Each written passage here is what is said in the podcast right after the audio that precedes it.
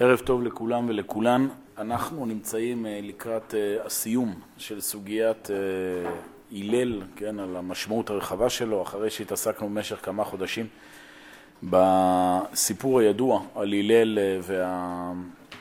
ש... ואותם אנשים שניסו להקנית אותו, זאת אומרת, אותה תפיסה שמראה לנו את יכולת הענווה של הלל כלפי כל הקשיים והאתגרים שאדם עומד מולו בחייו.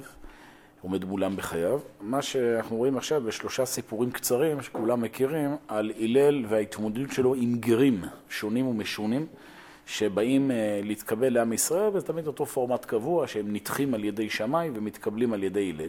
שגם כאן, כמובן, אה, הרעיון זה לא סיפור סתמי, אלא יש כאן ביטוי לכל מיני צדדים שאיתם אדם מצטרף לעבודת השם. כן, במקרה הזה גרים, אני לא נכנס שוב לשאלה האם זה היה הגר הזה או לא היה הגר הזה, זה לא כך רלוונטי.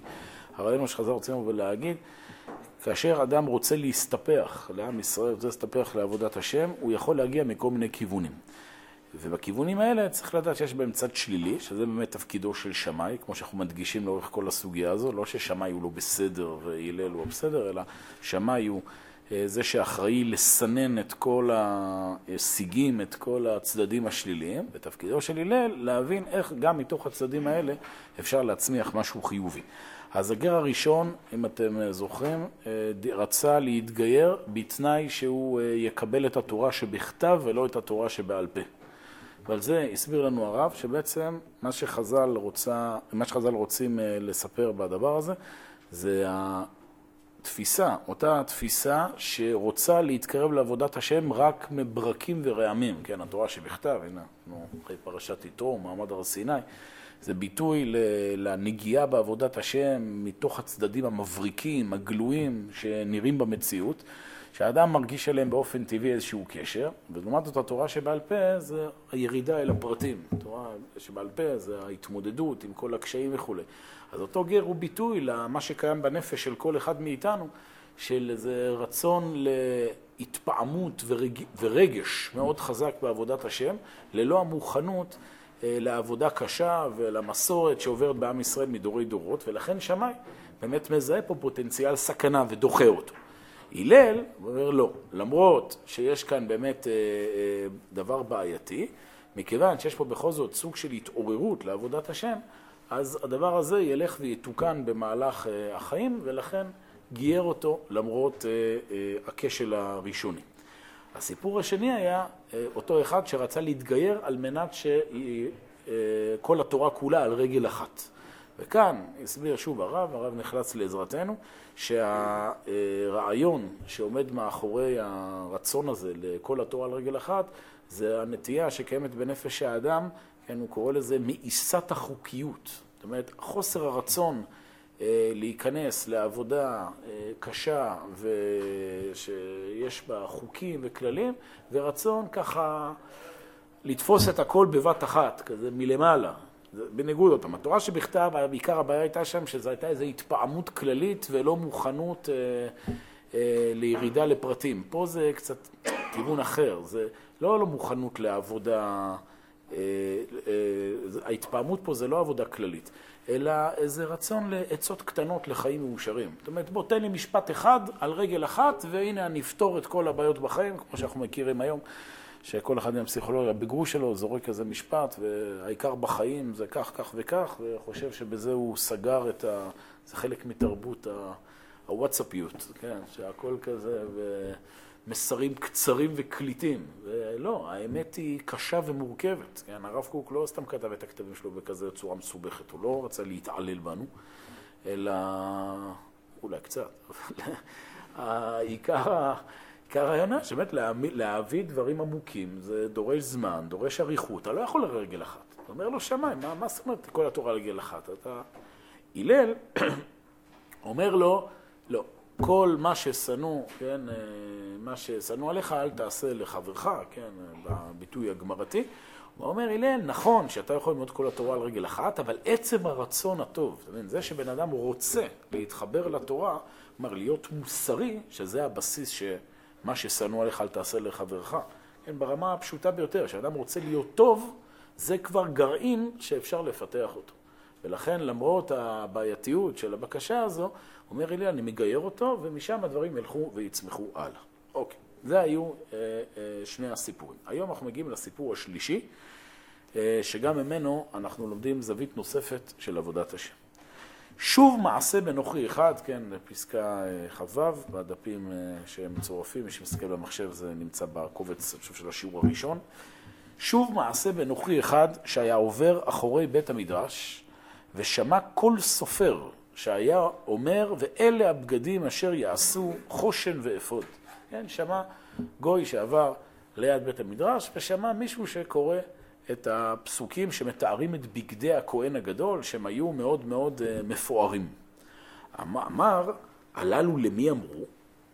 אמרו לו, סליחה, הללו למי? שאל אותו גוי, למי, ממי זה נועד הבגדים הללו?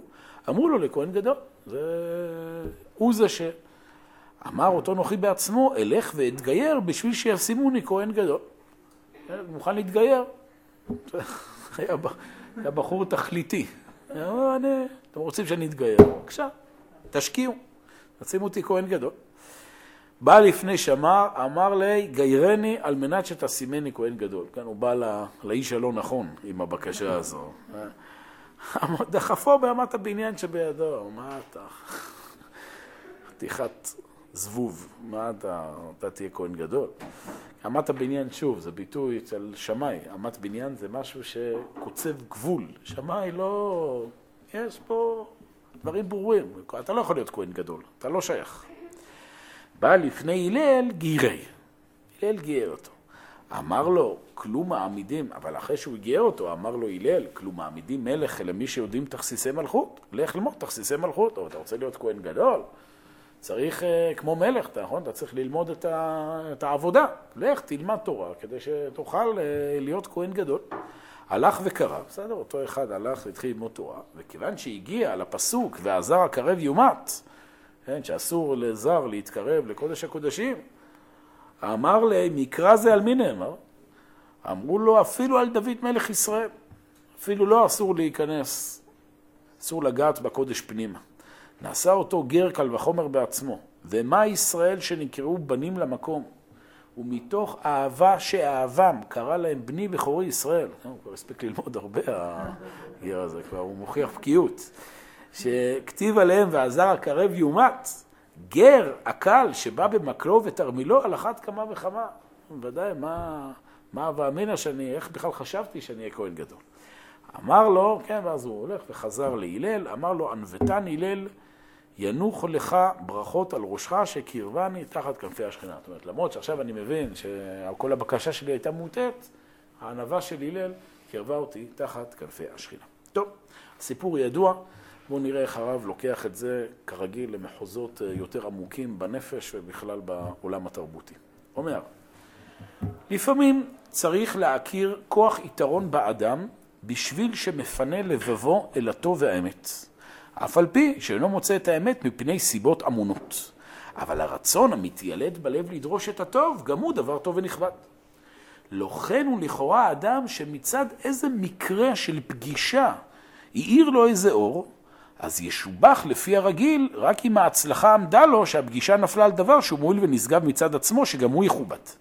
אבל אם מתעורר א', לא מצד דרישתו, כי מאיזה מקרה, ב', המקרה לא הצליח להעמידו על נקודה של חפץ אמיתי וטוב, כי אם על חפץ כוזב ומדומה, לפי הראוי אין סיבה לקוות מכזה תוצאות נכבדות.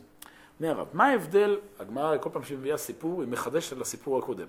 בסיפורים הקודמים ראינו גרים שבאו באמת עם כל אחד והשטויות שלו בראש, אבל הם כולם באו מאיזה רצון טוב. זאת אומרת, הם באו מתוך כוונה יזומה להתגייר. בסדר, אחד בא בגלל שהוא מוכן רק לתורה שבכתב, השני את כל התורה על רגל אחת. אבל הייתה פה מודעות. בן אדם רוצה להתקרב לעם ישראל, גם מסיבות שהוא מאוד, מטושטשות. דבר שני, מה שהם ביקשו אמנם היה קטן, היה חלקי, אבל היה משהו. זה שבן אדם רוצה ללמוד תורה שבכתב, אומר, אני רק מתפעם מההברקה הגדולה של הנהגת השם. בסדר, אבל גם משהו. השני שרוצה ללמוד כל התורה על רגל אחת, כמו שהלל אומר, בסדר, זה בן אדם שרוצה, אומנם בצורה מאוד שטחית ות... וחלקית, אבל הוא רוצה, ל... יש פה איזה נקודה טוב, שהוא רוצה ללמוד את התורה. פה, אומר הרב, יש כאן תרתי לגריעותא, שני דברים בעייתיים. דבר ראשון, הסיפור מתחיל, מעשה בנוחי אחד שהיה עובר אחורי בית המדרש. לא מדובר כאן בבן אדם שיוזם מעצמו התקרבות לעבודת השם, אלא מקרה. עבר, והופה, הוא אומר, קורא לזה הרב, איזה מקרה של פגישה העיר לו איזה אור.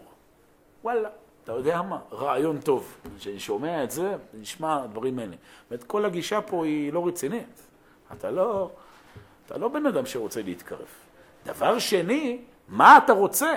הקודמים רצו ללמוד תורה, תורה באופן חלקי, זה בצורה של רק הברקה וזה בצורה שטחית. פה, מה אתה רוצה? אתה רוצה כבוד. זה מה שהוא רוצה.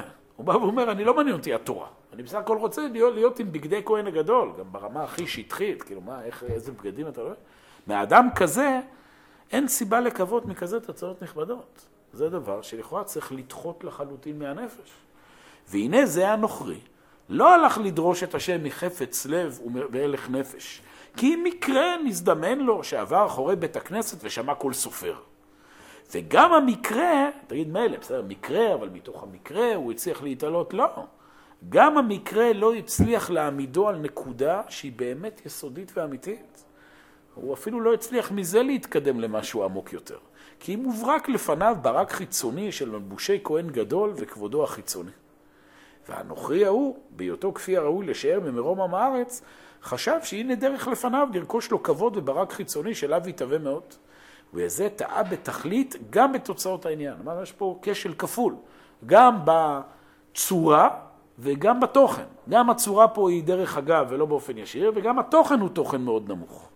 על כן לא היה ראוי לשום אליו לב לפי הראוי בשורת המשפט.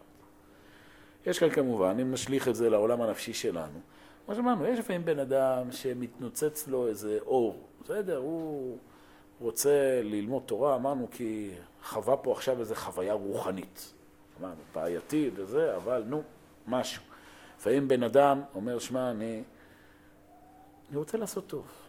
מה זה טוב? טוב בשבילי זה ספרי, אה, מה שאמרנו, פילוסופיה בגרוש, כי אמרתי, זה רעיון מוסרי, אבל לפעמים בן אדם, כל מה שמניע אותו, הוא מוצא את עצמו בנקודה כל כך נמוכה בחיים, שכל המניעים שלו זה מנועים, מניעים אה, עלובים. כבוד, כסף, תחרות. לצערנו הרבה פעמים אנחנו מוצאים את עצמנו במצב כזה, ששם אנחנו נמצאים. ולכן, אז גם אדם לא, עוד פעם, יוזם פה התפתחות רוחנית, אלא הוא נותן לחיים לנהל אותו. איכשהו, זה זורם, אה, מקרה, אתה יודע מה, אולי נרוויח פה משהו בכל זאת. מה, זה יכול להיות ברמות הכי עלובות כמו פה, שאדם רוצה, אה, כן, ללכת עם מלבושים היום, זה פחות אה, רלוונטי. אבל לפעמים, אתה יודעים מה, זה יכול, בוא נראה ככה זה לכיוון תיוג חברתי. ברמה הזו, אם נתרגם את זה לשפה המודרנית. אני רוצה להיות חלק מהחברה הזו, חברה דתית, החברה... יש לזה יתרונות, זה יתרונות. אדם קולט שזה בכל זאת איזה סמל סטטוס, זה נותן איזה... הוא במקרה גר במקום הזה והילדים כבר אה, נמצאים, נו, אז הם רוצים להיות חלק מהחברה וכולי. זה יכול להיות uh, מזה שבאמת בן אדם uh, חושב שהוא ירוויח ברמה הישירה, דברים, uh, דברים, חסר לו משהו בחיים, חסר לו יציבות משפחתית. ברמה הזו. אדם רוצה משפחה. מה הוא רוצה משפחה? בשביל, ה... בשביל התועלת שלו. אני רוצה להרגיש שמשפחה, אבהות, יש פה, כן, יש כאן ילדים מחונכים וזה, תשמעו, איזה יופי, הנה יש כאן משהו ש...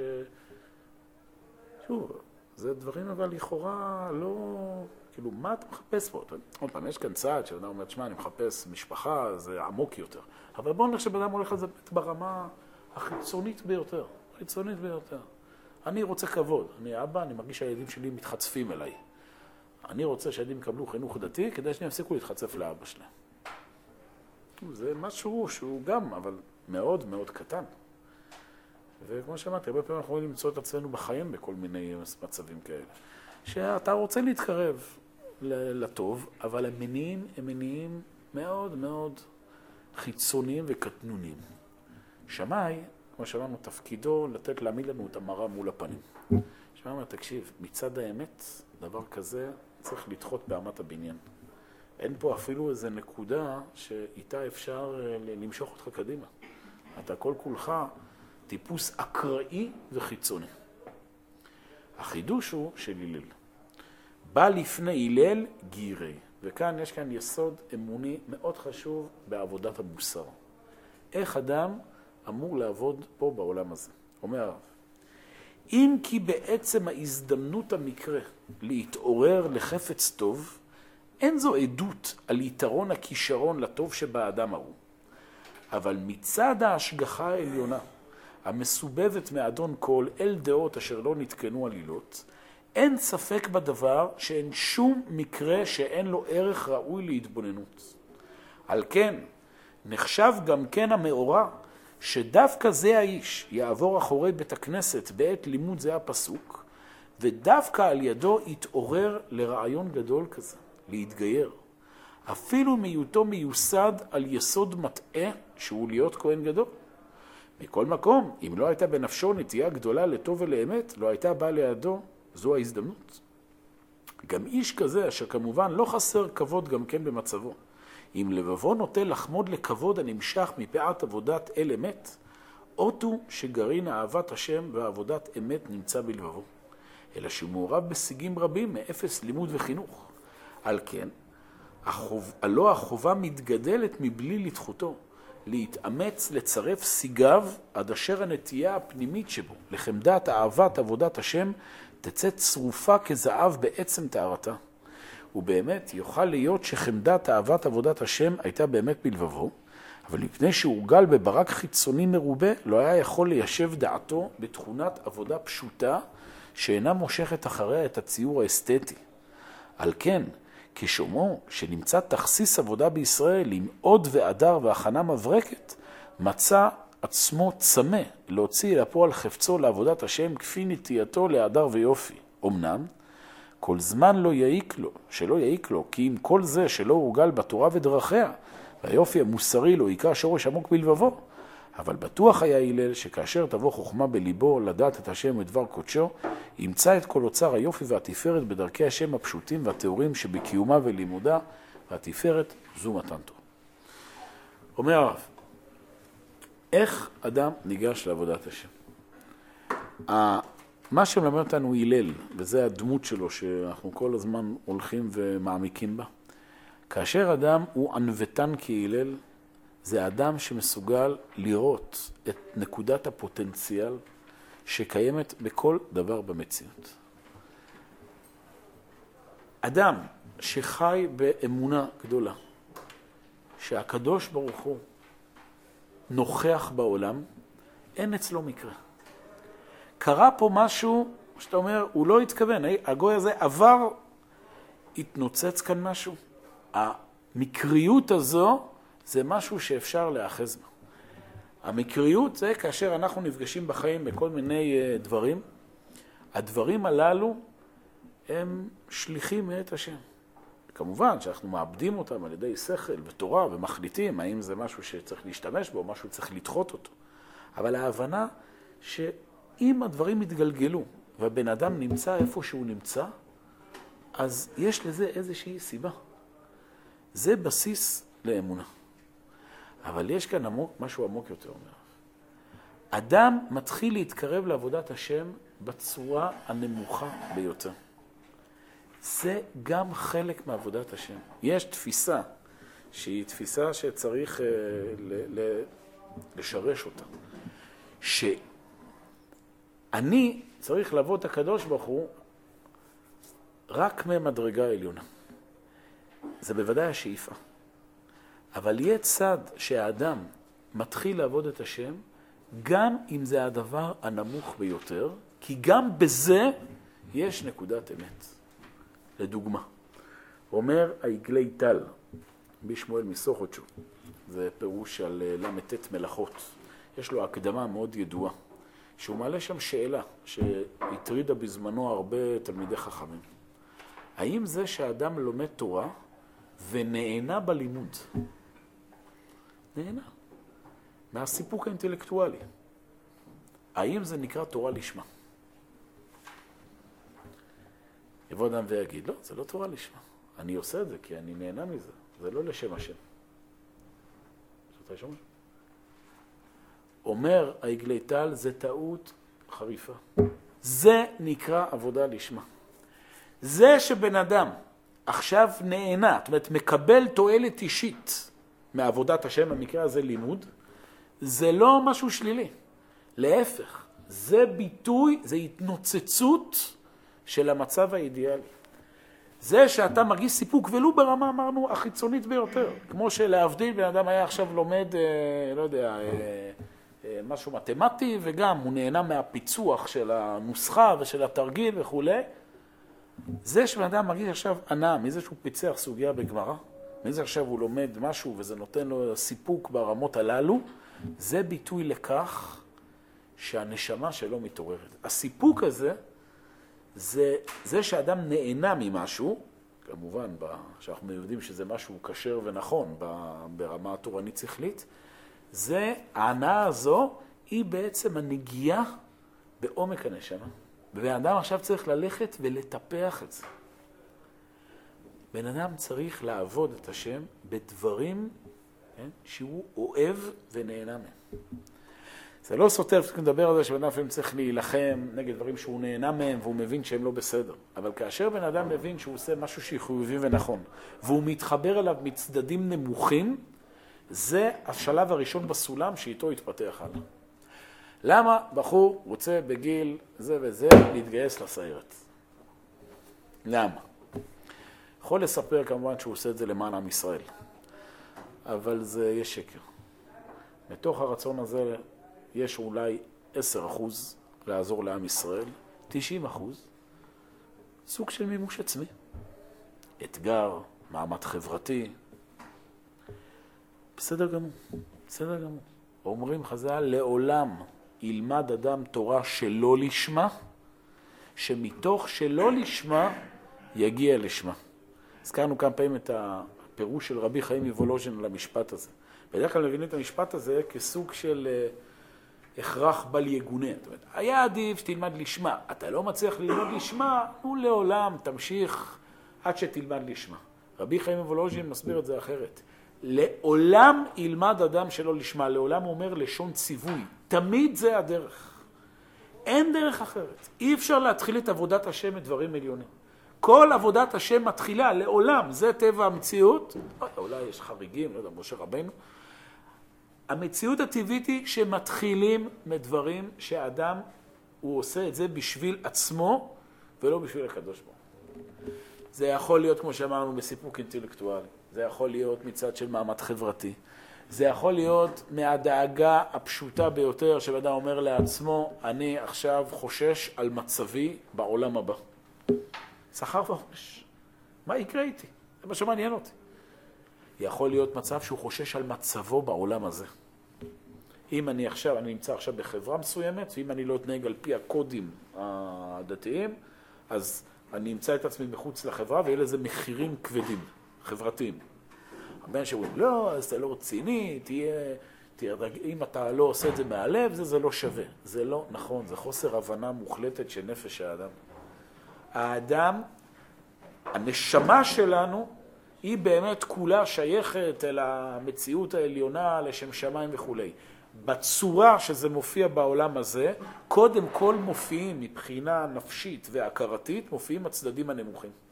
ילד קטן, תינוק, הוא לא אוכל לשם אה, ייחוד קודשא בריחו ושכינתי. בסדר. תינוק אוכל כי הוא רעב. הוא לא יכול אחרת. הוא לא יכול אחרת. זה לא שהתינוק הזה הוא לא בסדר, הוא לא למד מוסר, הוא לא למד אמונה, לא... הוא לא יכול אחרת, תינוק. המבנה הנפשי וההכרתי שלו מכריח אותו בשלב הראשון להתחיל מהצדדים הנמוכים. על אותו משקל גם שאדם מתבגר יותר. הוא לא יכול אחרת מאשר לא להתחיל בצדדים הנמוכים. אומר הרמב"ם בהקדמה למשנה, איך מלמדים את התינוקות תורה? נותן להם עכשיו הרצאה, חשיבות התורה בעולם. תדעו לכם שאתם לומדים תורה, אז, העולם כולו הולך ומתעלה, אין בעיה, אתה יכול להגיד את זה. ברור. דבש, תביא להם. ביסלי, מה דבש? דבש, פעם זה היה, היום תתחיל בביסלי, נתחיל. אחרי זה אתה רוצה עוד, תביא הלאה. יש מחיר לכל דבר, יש קרמבו, כל משנה קרמבו. כל... Uh, אחרי זה, אומר הרמב"ם, אחרי שהילד כבר התבגר קצת וממתקים לא מדברים איתו, מה אז מתחילים? כבוד, אומר הרמב"ם, כבוד. תלמד, ת, תלמד משניות, וואי, תכף אתה תהיה, כולם יסתכלו עליך. אתה, תזכה מקום ראשון. בסדר, זה כבר קצת בעיה שאתה מכניס תחרותיות, אבל אפשר ברמות האלה. אתה, אתה, אתה עכשיו תלמד על כל משניות, אנחנו נעשה פה טקס גדול ונעשה סיום, נכון? מה זה סיום? סיום בעם ישראל, אדם מסיים מסכת, אדם זה, עושים סעודה, ו... יש פה צד של הכרה חברתית, גם ברמה הנמוכה ביותר. עכשיו בן אדם, זה מה שמחזיק אותו. מה שעכשיו עושה לו את הלימוד בלילה מאוחר, שהוא יודע שהוא יקבל מזה ציון. איזה מבחן. בואו נלך לרמות אחרות. איך בן אדם מתחתן? בני זוג, ממה מתחיל, ממה, עוד פעם, לא ברמה הנשמתית. ברמה הנשמתית יש פה בת קול של 40 קודם, יצירת הוולד, בא פלוני פלוני ומחוברים, ובונים אחת מחורבות ירושלים. אבל בפועל, איך, ממה נוצר הקשר הראשוני בין בני הזוג? מהמשיכה הפשוטה ביותר. אוי ואבוי אם זה לא קיים. אתה אומר, לא, אני, אם זה לא ממש ברמה נשמתית עליונה, אז הקשר הזה לא נכון. אני, שמגיעים אליי, אה, בני זוג מתייעצים, התחתן או לא התחתן, אני לא, לא כל כך מבין בדברים האלה, זו החלטה שלהם. אבל אחת השאלות שאני מנסה להכווין אותן, זו שאלה פשוטה. אתם אוהבים אחד את השני? מה הזו? עוד לפני שאתם מדברים לי עכשיו על עולם ערכים משותף, עולם תורני משותף, שוודאי זה חשוב, ובלי זה אי אפשר לבנות קומה, אבל בואו נתחיל מהבסיס.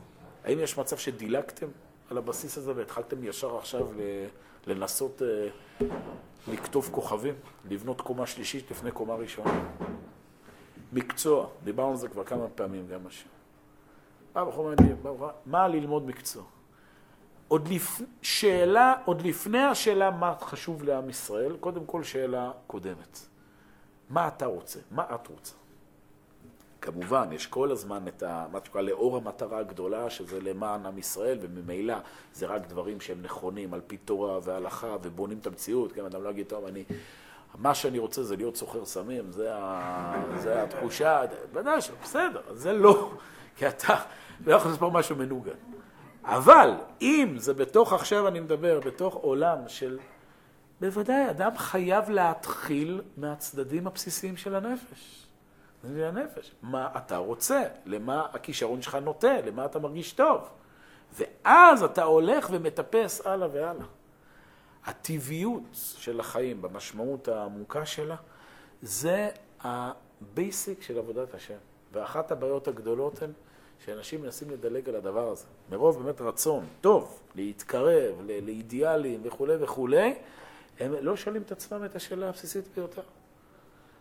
איפה אני כאילו מנסים להדחיק את זה, ואז כמובן זה באיזשהו מקום, זה, זה לא מחזיק מעמד.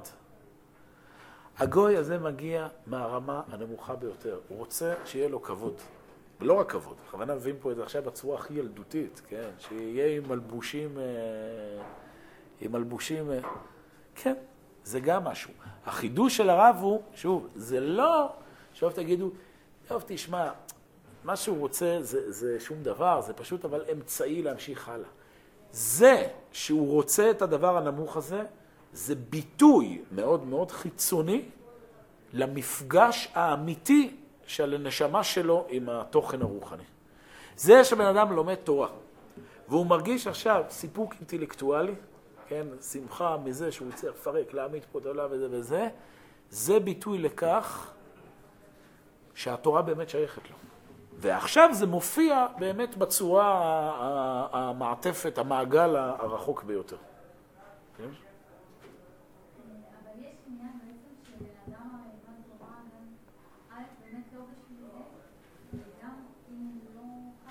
בוודאי, בוודאי. לכן אמרנו, תמיד יש מטרה גדולה. מטרה גדולה היא שאנחנו לומדים ומקיימים דבר השם, גם שאנחנו לא מרגישים וכולי וכולי.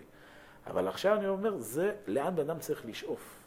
אדם לא צריך להאמין שהאידיאל זה להיות, להרגיש מנותק. האידיאל זה מזוכיזם, כאילו שאני לא מרגיש טוב עם עצמי, אני רע לי, אני... אה, אבל אני... לא.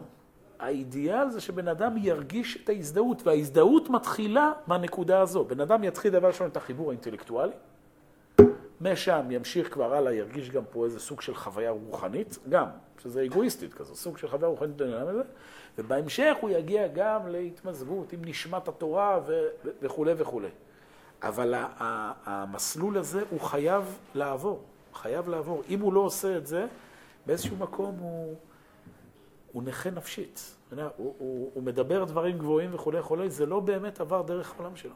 ושיהיה ברור, כל תלמידי החכמים, ובכלל, לא תלמידי החכמים, כל אדם שהגיע למשהו, דברים חיוביים, משמעותיים בחייו, זה רק בגלל שהוא גם נהנה מזה. אין מי שיכול להיות עכשיו מג"ד בצה"ל אם הוא לא נהנה ברמה הפשוטה מהאופי הצבאי. הוא נהנה מהשטח, מהפקודות, מהכוח, מזה. אדם לא...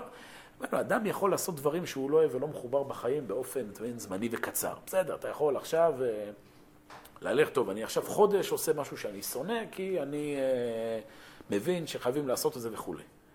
אבל משהו שהוא לכל החיים, אתה לא, ולהצליח פה, אתה לא יכול לעשות אותו, או לא יכול לעשות אותו שאת כאילו...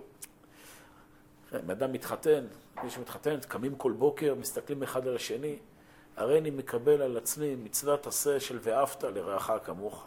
אני אוהב, אני אוהב, אני אוהב, אני אוהב. זה מתכון בטוח לבית הרוס. קודם כל, ודאי שאתה חייב לו, ברמה הפשוטה, אפילו ברמה של המשיכה הגופנית, ברמה הזו גם. זה יהיה קודם כל את הבסיס הזה.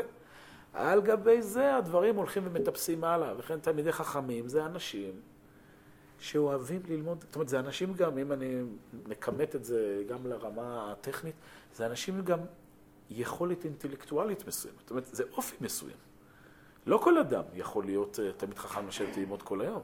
מישהו כזה, זה בגלל שלאורך זמן, לא נכנס שוב, יש מישהו שכופה את עצמו למשך כמה שנים, לפעמים יש גם מציאות שעם ישראל מאוד צריך את זה, אז זה כל כך חשוב ששווה אפילו שככה בן אדם קצת יחנוק את עצמו למען זה. יש, יש כל מיני מצבים חריגים, אבל ברמה העקרונית, בן אדם לא יצליח לפרוח בתורה אם אין לו אופי אינטלקטואלי. כולם צריכים להיות קשורים לתורה. זה עכשיו בן אדם שרוצה להתעסק שזה יהיה עיקר תחום בחייו.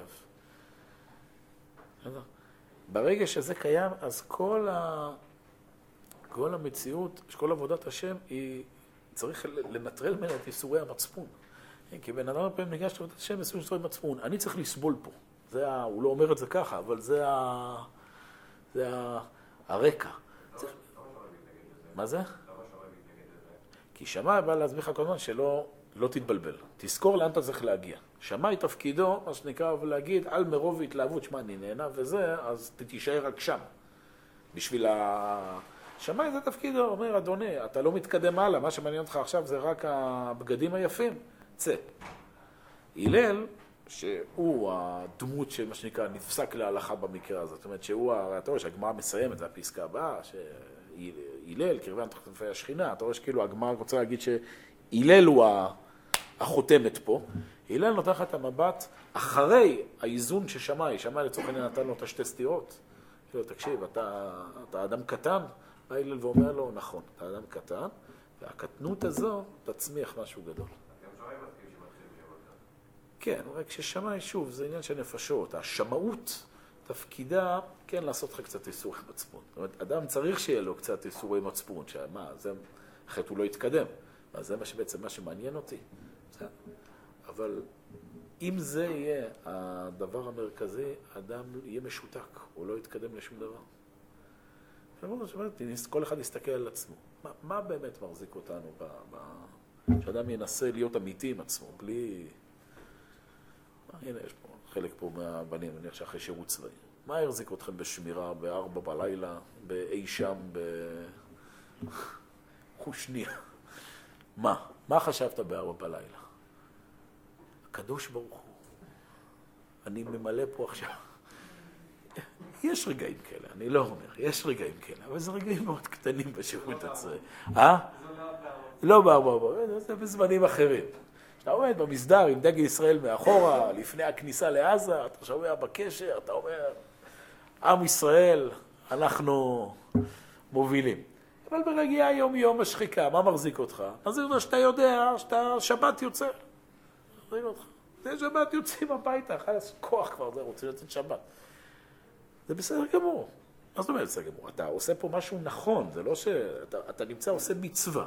זה שאתה משתמש בכל מיני צרכים נמוכים של הנפש, כחלק מהתהליך פה של, ה, של העשייה של הדבר, זה, זה הדרך הנכונה, הדרך הטובה. מה מחזיק בני זוג ב, ב, אחרי 15 שנות נישואים? כל בוקר הם קמים ו... וזה. עכשיו, יש דברים כאלה, אבל זה, זה לא כל כך מצוי. יש איזו מסגרת ששנינו התחייבנו אליה כאנשים בוגרים, בסדר? והמסגרת הזו יש לה כבר השלכות. אני בכוונה מכמת את זה לרמות הכי נמוכות. כמובן שזה לא מה שאדם אה, צריך להעמיד במרכז חייו, אבל זה קיים באיזשהו מקום ברקע. אנחנו נשואים, יש ילדים, יש כבר אחריות, יש משפחה, יש פרוטה, אנחנו לא, בוודאי שגם שקשה אנחנו נמשיך. כמובן שחייבת כל הזמן להיות האהבה פה שתבער. אדם שואל בצבא, ואז חייב שיהיה לו איזו הבנה שהוא עושה מצווה. אבל ההנאה היומיומית היא מורכבת מדברים קטנים. והחידוש הגדול של הרב שהדברים הקטנים הם לא מנותקים מהדבר הגדול. זה שבן אדם, לצורך העניין, אם הבאנו את הדוגמה שהבאתי קודם, ואדם אומר, אני רוצה להיות דתי כי אני רוצה שהבן שלי ידבר אליו בכבוד. בסדר, לכאורה משהו מאוד אה,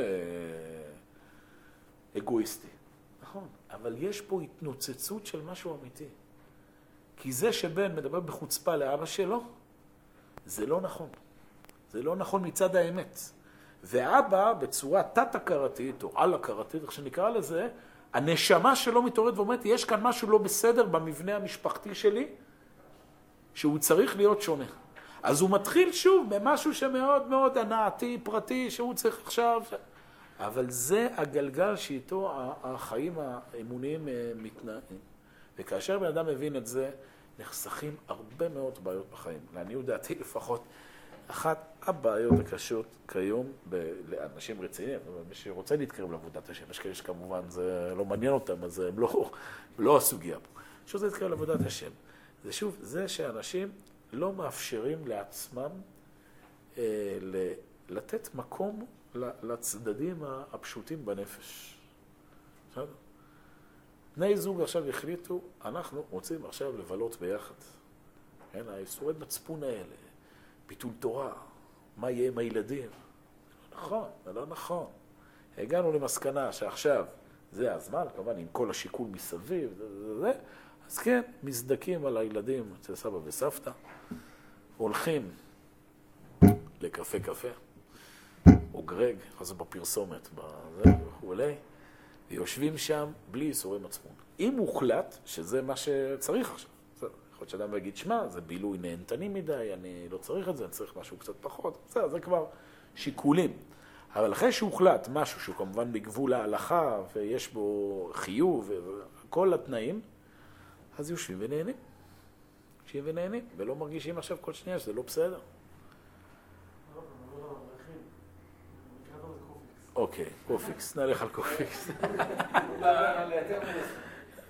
אני אומר שוב, הדברים האלה עובדים גם לרזולוציות אחרות. תראו, אני... טוב, לא כל אחד יתחיל לפרוק פה את התסכולים שלו, אני לא, לא רוצה לפתוח פה... אה, זה בכל דבר. תראו, אני מלמד אתכם תורה עכשיו. אז אני, אני, אני, אני חושב שלימוד תורה זה דבר חשוב, אני מאמין בזה, אני, אבל אני גם לא הייתי נמצא פה עכשיו אם לא הייתי אה, גם מקבל מזה איזה סוג של סיפוק. נהנה לדבר, נהנה לתרגם מחשבות רוחניות לשפה, אני, אם נלך אפילו לרמות יותר נמוכות, זה העבודה שלי, בסדר? אני מקבל מזה גם uh, את הצדדים שאיתם אני מקיים את החיים, אם זה כסף ומשכורת ותרצו מעמד חברתי, יש פה המון מרכיבים. אסור לאדם עכשיו לשכוח את המטרה. לכן שמאי כל הזמן עומד לנו שם ברקע, אל עכשיו. אבל אל... מה, מה אתה רוצה עכשיו? שאני אקפוץ ישר לדרגה שם? אני לא אוהב את זה, אני לא מתחבר לזה, אני לא מתפרנס מזה, רע לי עם זה, אבל אני עכשיו יושב ויעשה את זה כי זה האידיאל. שוב, זה נכון, אבל טבע האדם לא עובד בצורה כזו. הקדוש ברוך הוא ברא את האדם בצורה שהוא יתאפס מלמטה למעלה. ואם תחשבו על זה טוב, יש לזה הרבה מאוד משמעויות בכל, התנה... בכל ההתנהלות היומיומית. בן אדם שהוא מוצא זמן לעצמו, בן אדם בתוך הלימוד, שהוא לומד דברים שהוא אוהב. עוד פעם, הכל, אני מסייג, הכל תלוי לשיקול ואיזון וכמה ואיך, ואסור שזה... פשוט זה קשור לבניין הבית, זה קשור לחינוך הילדים, שוב איך אתה מחנך ילדים, האם אתה נותן לילדים גם להיות ילדים, או שאתה ישר רוצה שהם יהפכו להיות אה, גדולי תורה, או אני יודע מה, קצינים, אה, וזה, זה קשור גם ליכולת של הבן אדם פשוט להיות רגוע, להיות איפה שהוא, אני מדגיש, איפה שהוא לא במשמעות השלילית. הוא נמצא כל הזמן בהתקדמות, אבל הוא נהנה ממשהו מסוים, הוא אוהב אותו, זה רצוי לפני השם. תהיה עם זה. אחת התופעות, ציינתי לכם את זה כמה פעמים, שאני, ברור שזה מגיע ממשהו חיובי, אבל האובססיה שקיימת בציבור, בעיקר בציבור הדתי-לאומי, למושג הזה שנקרא מנהיגות. כולם רוצים להיות מנהיגים, זה, זה משהו כזה, אני כבר פוגש את זה. כל הזמן יש סדנאות למנהיגות, והפעולה הראשונה בבני עקיבא זה מנהיגות, ו- ו- וכולם מנהיגים, ו- ו- והולכים עם חולצות, סוף מסלול, אוגוסט 88, זה, זה, הכל, הכל זה כזה באיזה להוביל, ליזום, זה, זה הכל נכון. אבל במה זה נאמר? מנהיגות, שזה לצורך העניין עבודת השם, זה משהו שצומח באופן טבעי. זה לא משהו שאתה... לא מה, מגדלים מנהיגים. זה מגוחך עצם הביטוי הזה, בית ספר למנהיגות. זה, זה, זה הרעיון מגוחך. זה לא עובד ככה. בן אדם קודם כל הוא צומח מלמטה, בחיים הטבעיים הפשוטים שלו. באיזה שלב, באופן טבעי, הוא גם מוצא את עצמו מוביל, זאת אומרת, הוא מוצא את עצמו באיזה שלב בעבודת השם. אבל זה לא משהו שה, ש, שבן אדם אמור לשאוף אליו שהוא מדלג על הצדדים הפשוטים של החיים שלו. מי ביקש לך להיות מנהיג? מי ביקש לך עכשיו לשנות את העולם? כן, סליחה שאני אומר את דברי הכפירה הללו. מה? כן, שרים מגיע, אני ואתה נשנה את העולם. נכון, חשוב לשנות את העולם. קודם כל, אבל בוא תשנה את עצמך. בוא נשאל שאלות בסיסיות יותר. אתה מאושר, את מאושרת. אתם עובדי השם ברמה הבסיסית ביותר. זאת אומרת, עושים את מה שצריך לעשות. אתה מרגיש שלם, את מרגישה שלמה במקום שאת נמצאת. אם כל התשובות הללו נכונות, טוב, אז עכשיו יש שיקול, איך מתקדמים הלאה. וגם אז אדם אומר, לא, אני, טוב לי מאוד כאן, לא רוצה להתקדם לשום מקום. אני כאן, שמח, נותן, מרגיש סיפוק ונותן את שלי, שאני מקדם את המציאות, ואני לא כל הזמן נמצא במרדף הזה של ה... של ה... של... הנה, הדברים הם... בסדר, אני מקווה שאני לא, לא אומר פה דברים ש... שככה יכולים להתפרש שלא כהלכה. לא הכוונה שלא טוב שאדם שואף, לא הכוונה שלא טוב שאדם ינהיג, לא טוב שאדם ירצה לשנות. הכל, הכל נכון. אני רק אומר שמה שאני מבין מהפסקה הזו, אומר הלל, תעשה את זה בצורה נכונה. צורה נכונה זה משהו שצומח מלמטה למעלה, באופן טבעי. ואז באמת אדם בונה לעצמו חיים אמיתיים. הוא שמח במה שהוא עושה. הוא שמח, הוא אוהב, הוא מצליח. ככה זה עובד. אדם אוהב, הוא קם בבוקר עם חיוך, הוא הולך למקצוע שהוא מוצא בו מימוש וסיפוק. הוא נמצא במשפחה שהוא אוהב אותה. הוא, יש לו את הרגעים בחיים שהוא אה, בנחת. כן, הוא עכשיו עושה משהו שהוא אוהב, שהוא נהנה, לא יודע, ללכת לשחות, ללכת לטייל. יש את הזמנים שהוא לומד תורה, הוא לומד דברים שהוא לאט לאט, במהלך השנים, גם אם בשלב ראשון לא, אבל הוא לאט לאט מרגיש שם גם סיפוק ושמחה, נהנה, מתקדם עוד ועוד ועוד, ואז המסילה עולה בית השם, בלי כל התסבוכים והתסכולים שהם אה, מתלווים ל... להליכה, בעבודה לא נכונה. אני קורא שוב. אמ, גם איש כזה, אתם רואים בפסוק בא לפני הלל גירי, אז בשורה השישית, החמישית. גם איש כזה, אשר כמובן לא חסר כבוד גם כן במצבו. כן? אומר הלל, הגוי הזה, הוא יכול לקבל כבוד במקום אחר. אבל אם לבבו נוטה לחמוד לכבוד הנמשך מפאת עבודת אל אמת, אות הוא שגרעין אהבת השם ועבודת אמת נמצא בלבבו, אלא שמעורב בשיגים רבים מאפס לימוד וחינוך.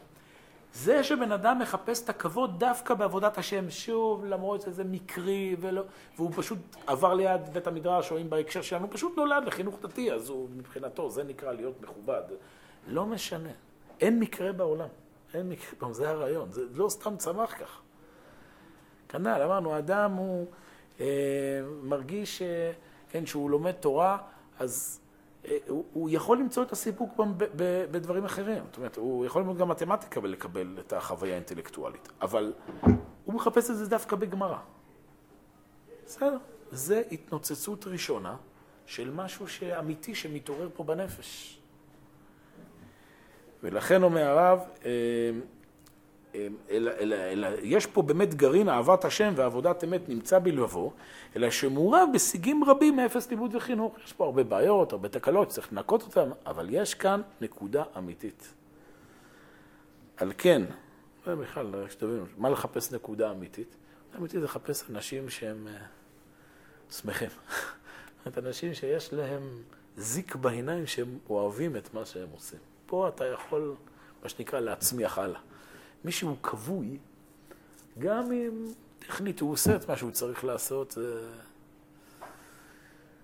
זה, לא איזה סיפור. שמעתי אותו מהרב שועה שפירא, שהוא סיפר שפעם אחת הוא פגש איזשהו אה, בחור שגדל בחינוך דתי שחזר אה, בשאלה, מה שנקרא. הוא שאל אותו, מה, מה בזה? אז הוא סיפר לו, אותו בחור, ככה, כלי שלישי או כלי שני של הסיפור.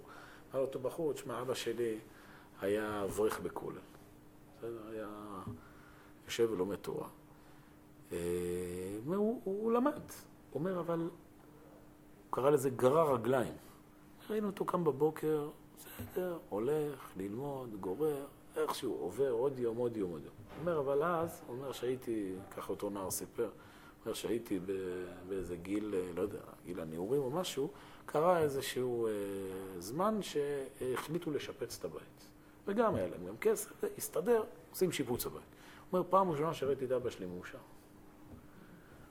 פעם ראשונה ראיתי את אבא שלי, כולו חיוניות, בודק, משווה, וזה, עיניים מתוצצות. הוא אומר, אז הבנתי.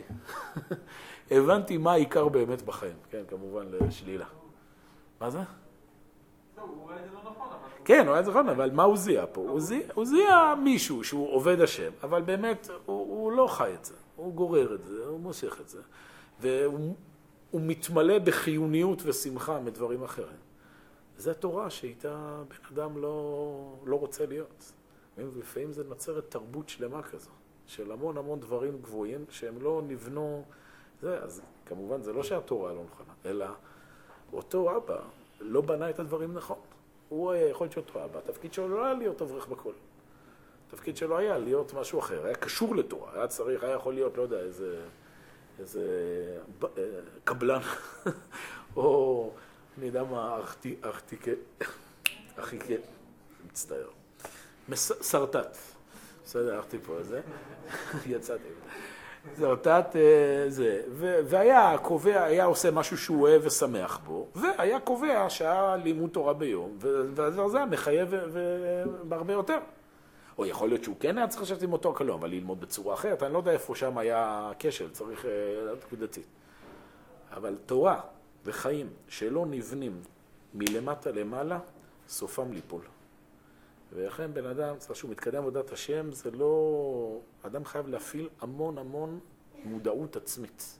אדם לא יכול רק להתקדם עבודת השם, אלא אני עושה, מתאבד על העניין. יש צד כזה בנפש, אבל חייב להיות גם באיזה שלב צד שמודע עצמית. איפה אני נמצא ביחס לזה, ומה זה אומר, איפה אני משקיע עכשיו ומה אני לא משקיע, איך אני ממנן את הכוחות, מתי אני נח, מתי אני לא נח, וכמובן צריך פה הרבה זהירות, כי אדם יכול עם זה לעשות, לא להתקדם לשום מקום.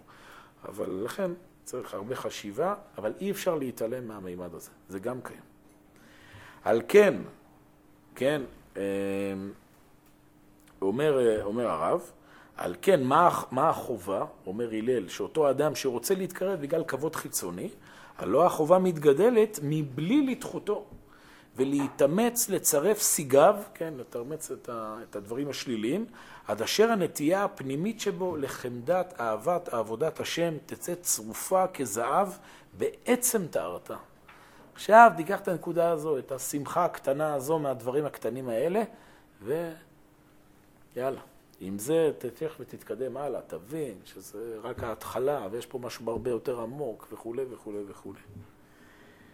ובאמת יוכל להיות שחמדת אהבת עבודת השם הייתה באמת בלבבו, אלא מפני שהורגל בברק חיצוני מרובה, לא היה יכול ליישב דעתו בתכונת עבודה פשוטה שאינה מושכת אחריה את הציור האסתטי.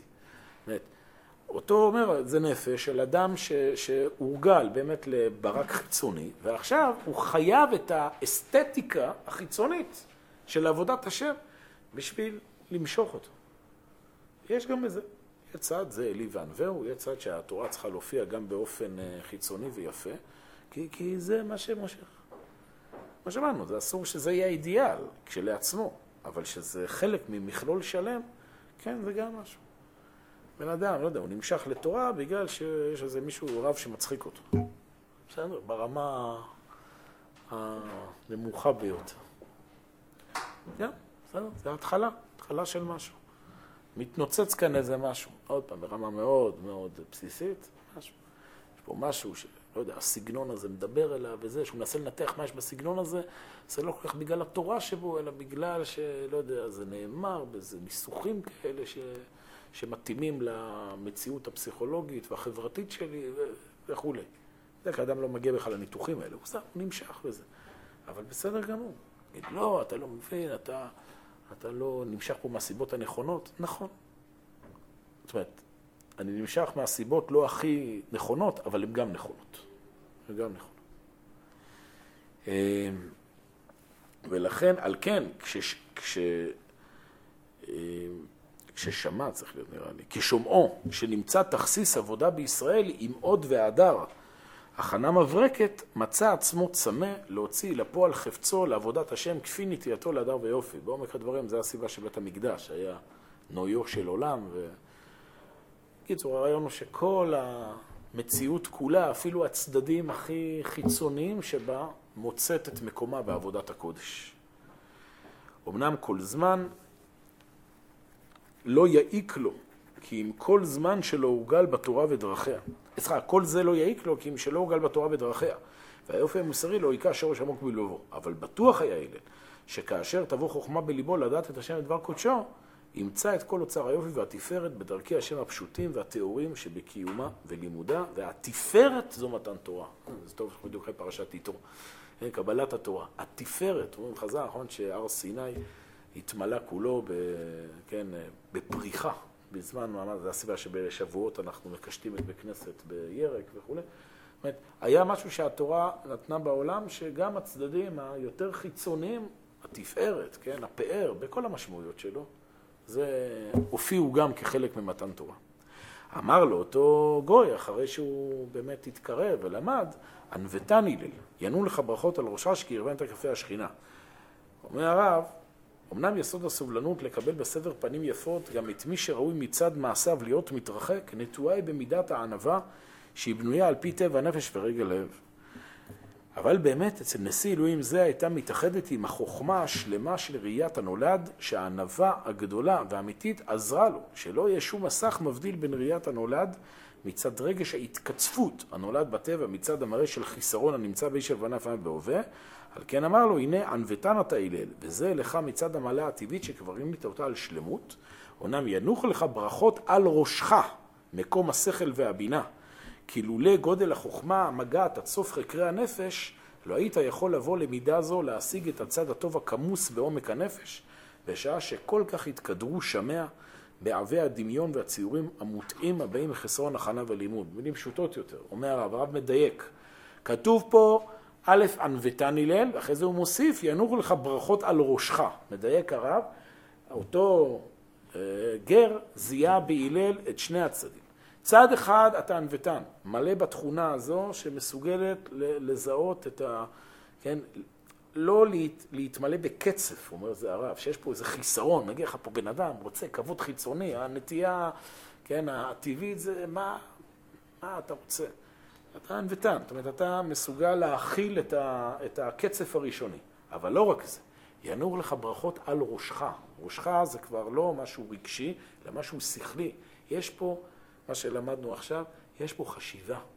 זה לא רק אה, כאילו שהלל טוב, הוא ענוותן, הוא מסוגל לסבול אנשים גם כאלה חסרים, נו, מה לעשות, גם הלל בשכל מבין שהתחילת התהליך, שההתחלה של התהליך שאותו גוי עכשיו מגיע אליו מהכבוד, זה משהו שיש לו תוצאות גדולות לאין חקר. תן לדברים לפעול, תן לכוחות האלה ללכת ולהופיע, תן לכוחות לצמוח, לבריאות הנפשית, הטבעית, אפילו הנמוכה ביותר. תראה איך שהדברים אה, צומחים. באמת, בן אדם הוא, הוא צומח כמו שצריכים לצמוח, שלם. כן? אשרי האיש, אומר דוד המלך, אומר הרב, פירוש אשרי האיש, איש. התורה מחפשת אנשים, אנשים כלומר אישיות שלמה, לא איזה כאלה מסכנים שיש עליהם איזה יציקה על, ה... יציקה על הראש, יש שם, שם איזה מישהו שמכריח אותי, אני קם בבוקר וזה. לא. לפעמים יש שלבים כאלה בחיים, אין מה לעשות. ממשיכים לעבוד גם שקשה. אבל הרעיון הוא שיהיה אדם מלא כוח, מלא עוצמה, ואז עבודת השם היא תופיע בצורה הנכונה ביותר. טוב, מקווה שנהניתם גם בצדדים הנמוכים בנפש מהשיעור הזה. אני נהניתי. שיהיה לנו ערב טוב ושבוע טוב.